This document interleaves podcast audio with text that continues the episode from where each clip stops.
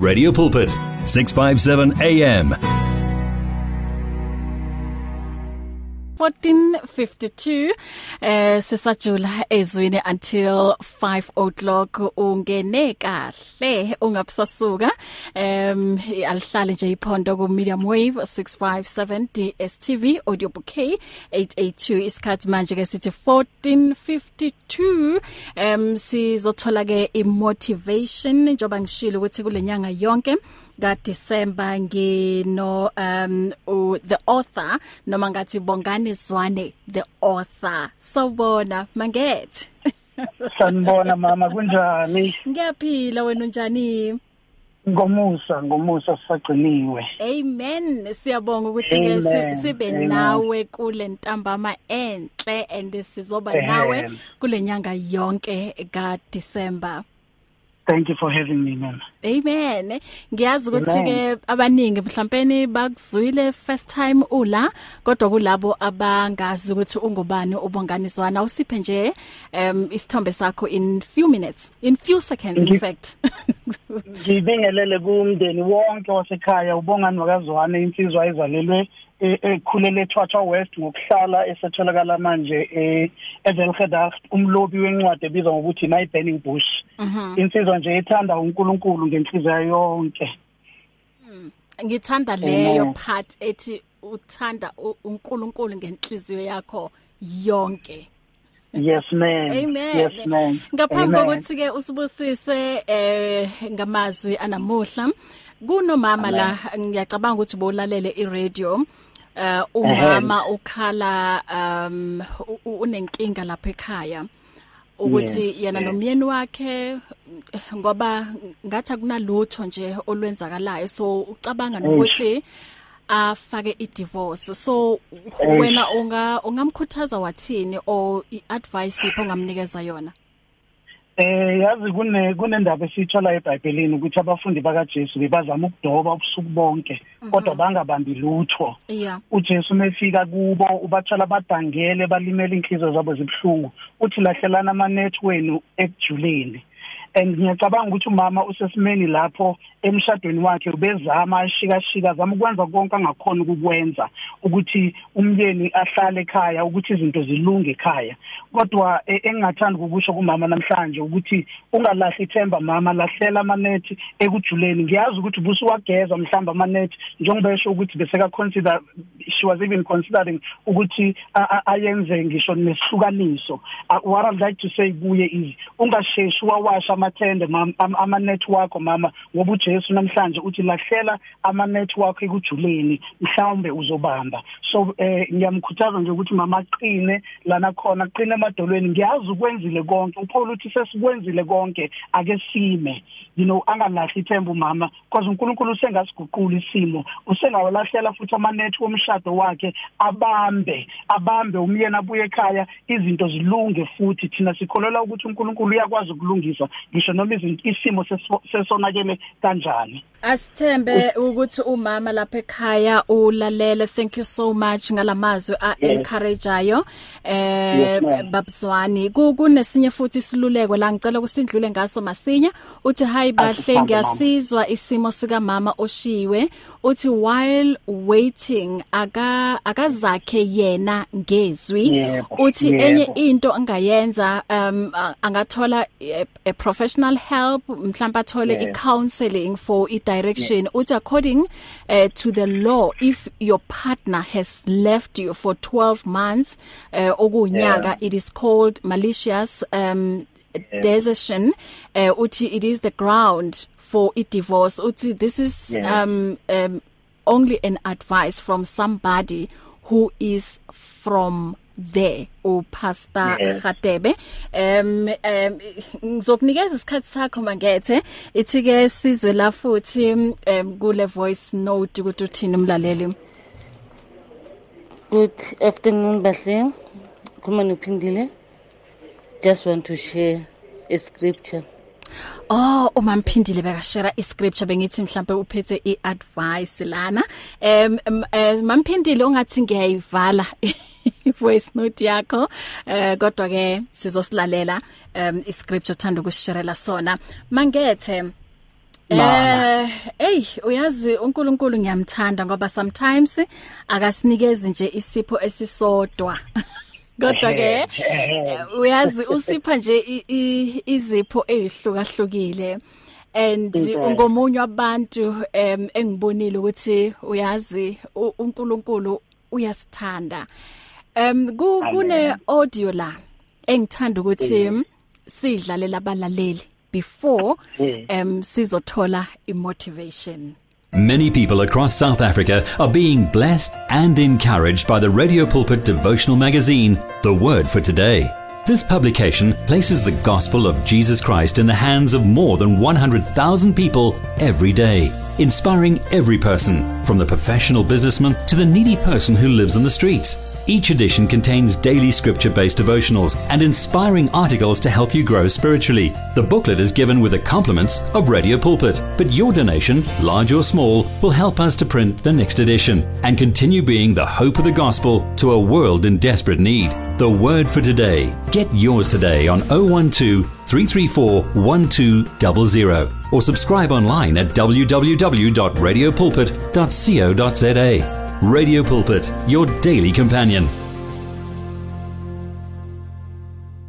kungcono ngiyitholele iblessa kwayishela usineki iblessa linemali yalo imoto zalo nezindlu zalo futhi alifani nosithena. Kwayishela usineke ejulile emicabangweni yakhe. Lihlala kusithabathaba sendlu alinama-insecurities nama-bounce debits ne-baby mama drama njengosithena. Kodwa-ke azokugada ama-security weblessa bazokutracka uzomangala ngoba impilo isinzima shem nayo usine esezifunela i-way out. Esekhohliwe ukuthi what you put in is exactly what you get out. Iblessa lizogeza ube ne-weave kodwa ngeke uphinde ube at ease. Lizokubheja ngemali yalo kodwa ngeke liyishintshe impilo yakho for the better. Lizothatha your inner peace and every piece of you literally belongs to him. Uze ubhabi nonthabi bazokutshena. Lizokunika le walk yama-slay queen kodwa ekugcineni uzoshaya i-walk of shame. Usuyi-slayed queen. Buying you expensive wine as it dines. You echosha ngawe ebanganeni bakhe uzokwenza. Akwenza itrophy indeed is in a boxing ring with you. Ingani uhlale kushaya ngama-uppercut ngoba vele there is a price to pay in the upper class. Ikakhulukazi when you refuse to go through life through the lower class yempilo. You will soon realize ukuthi kungcono ukuziblessa kunokublesswa. Esandleni sendoda engenaqolo phecelezi i-backbone like a drug uzokubeka on a higher head akunike kancane kodwa ayitapele kuwe ngoba vese ulahlile digging for gold in your treasures only to satisfy his dirty pleasures. Yeke futhi uyazi nepleasure. Kungcono uzitholele isikolo kunekhehla imfundo. Hey, Nkosi yami. hey nkosi yami. Hey Ah. Uyazi nginesizathu em eh mangethe ukuthi Ma. ngidlale le audio. amen Um siku December kwamanje. Yebo. And emakhaya sihlala en eh, nabosisi okuwukuthi basesebasha and um abanye bazoya ku tertiary next year. Yebo yebo. And mafika lapha esikolweni mhlawumbe athole kunzima bese uthola abangani abangekho right? Bathi uyazi yini mngani wami? Ukuze ubukeke ufaka ama weave uthole ama phone expensive nansi indlela elula. Thola iblesser. Yes so kahle hle lana sikhuluma nabantu abasha. Ehe. Ukuthi empilweni ayikho into okuwukuthi kumele nje i- ize kalula.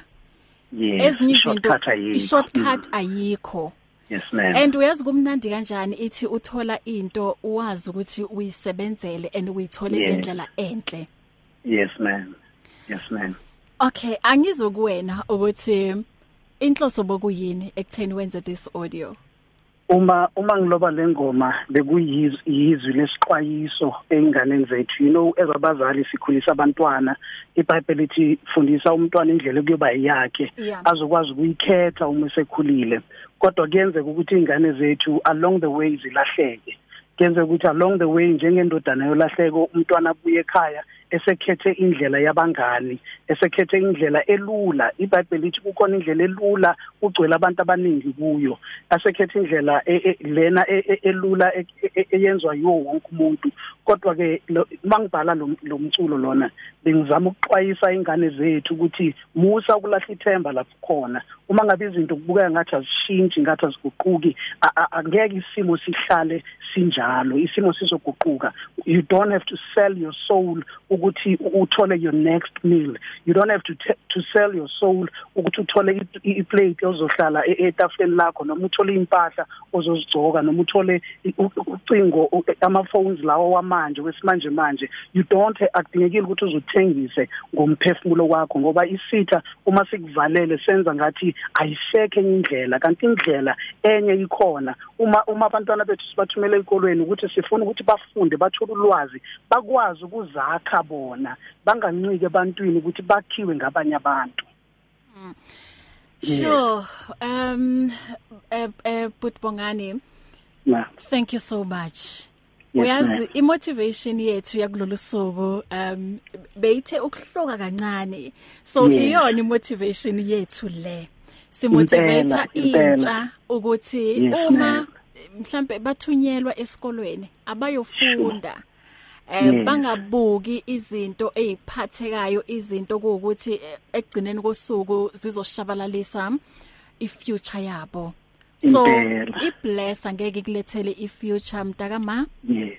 Kodwa imfundo iyona ezokulethela ifuture. Amen. Imotivation amen. yethu leyo and simotivate nabazali ukuthi nabo um um baba motivate lezingane ukuthi cha awuyanga laphayana um ukuthi uyobonwa uyele esikolweni yes. ukuthi uyofunda. So thank yes, you so much. Thank you so much. Inamandla ngempela. Um kubonga mina kakhulu. uyibizani this audio besidlala?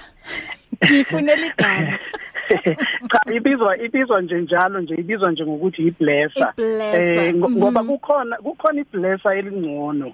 Kukhona iblesser esalithola eh, iblesser lafika empilweni zethu. La shintsha laguqula isimo sempilo yethu. Mm. iblesser lelo linguJesu. uJesu uthe makafika empilweni yami wangithola impilo yami yonakele wangithola impilo yami iphukile. Kodwa uthe uma efika wanginikeza ukuthula kwakhe okudlula ukuthula kwabantu. Mm-hmm. and and what i love ngokuthula asinikeza kona ukuthi akakuthathi back.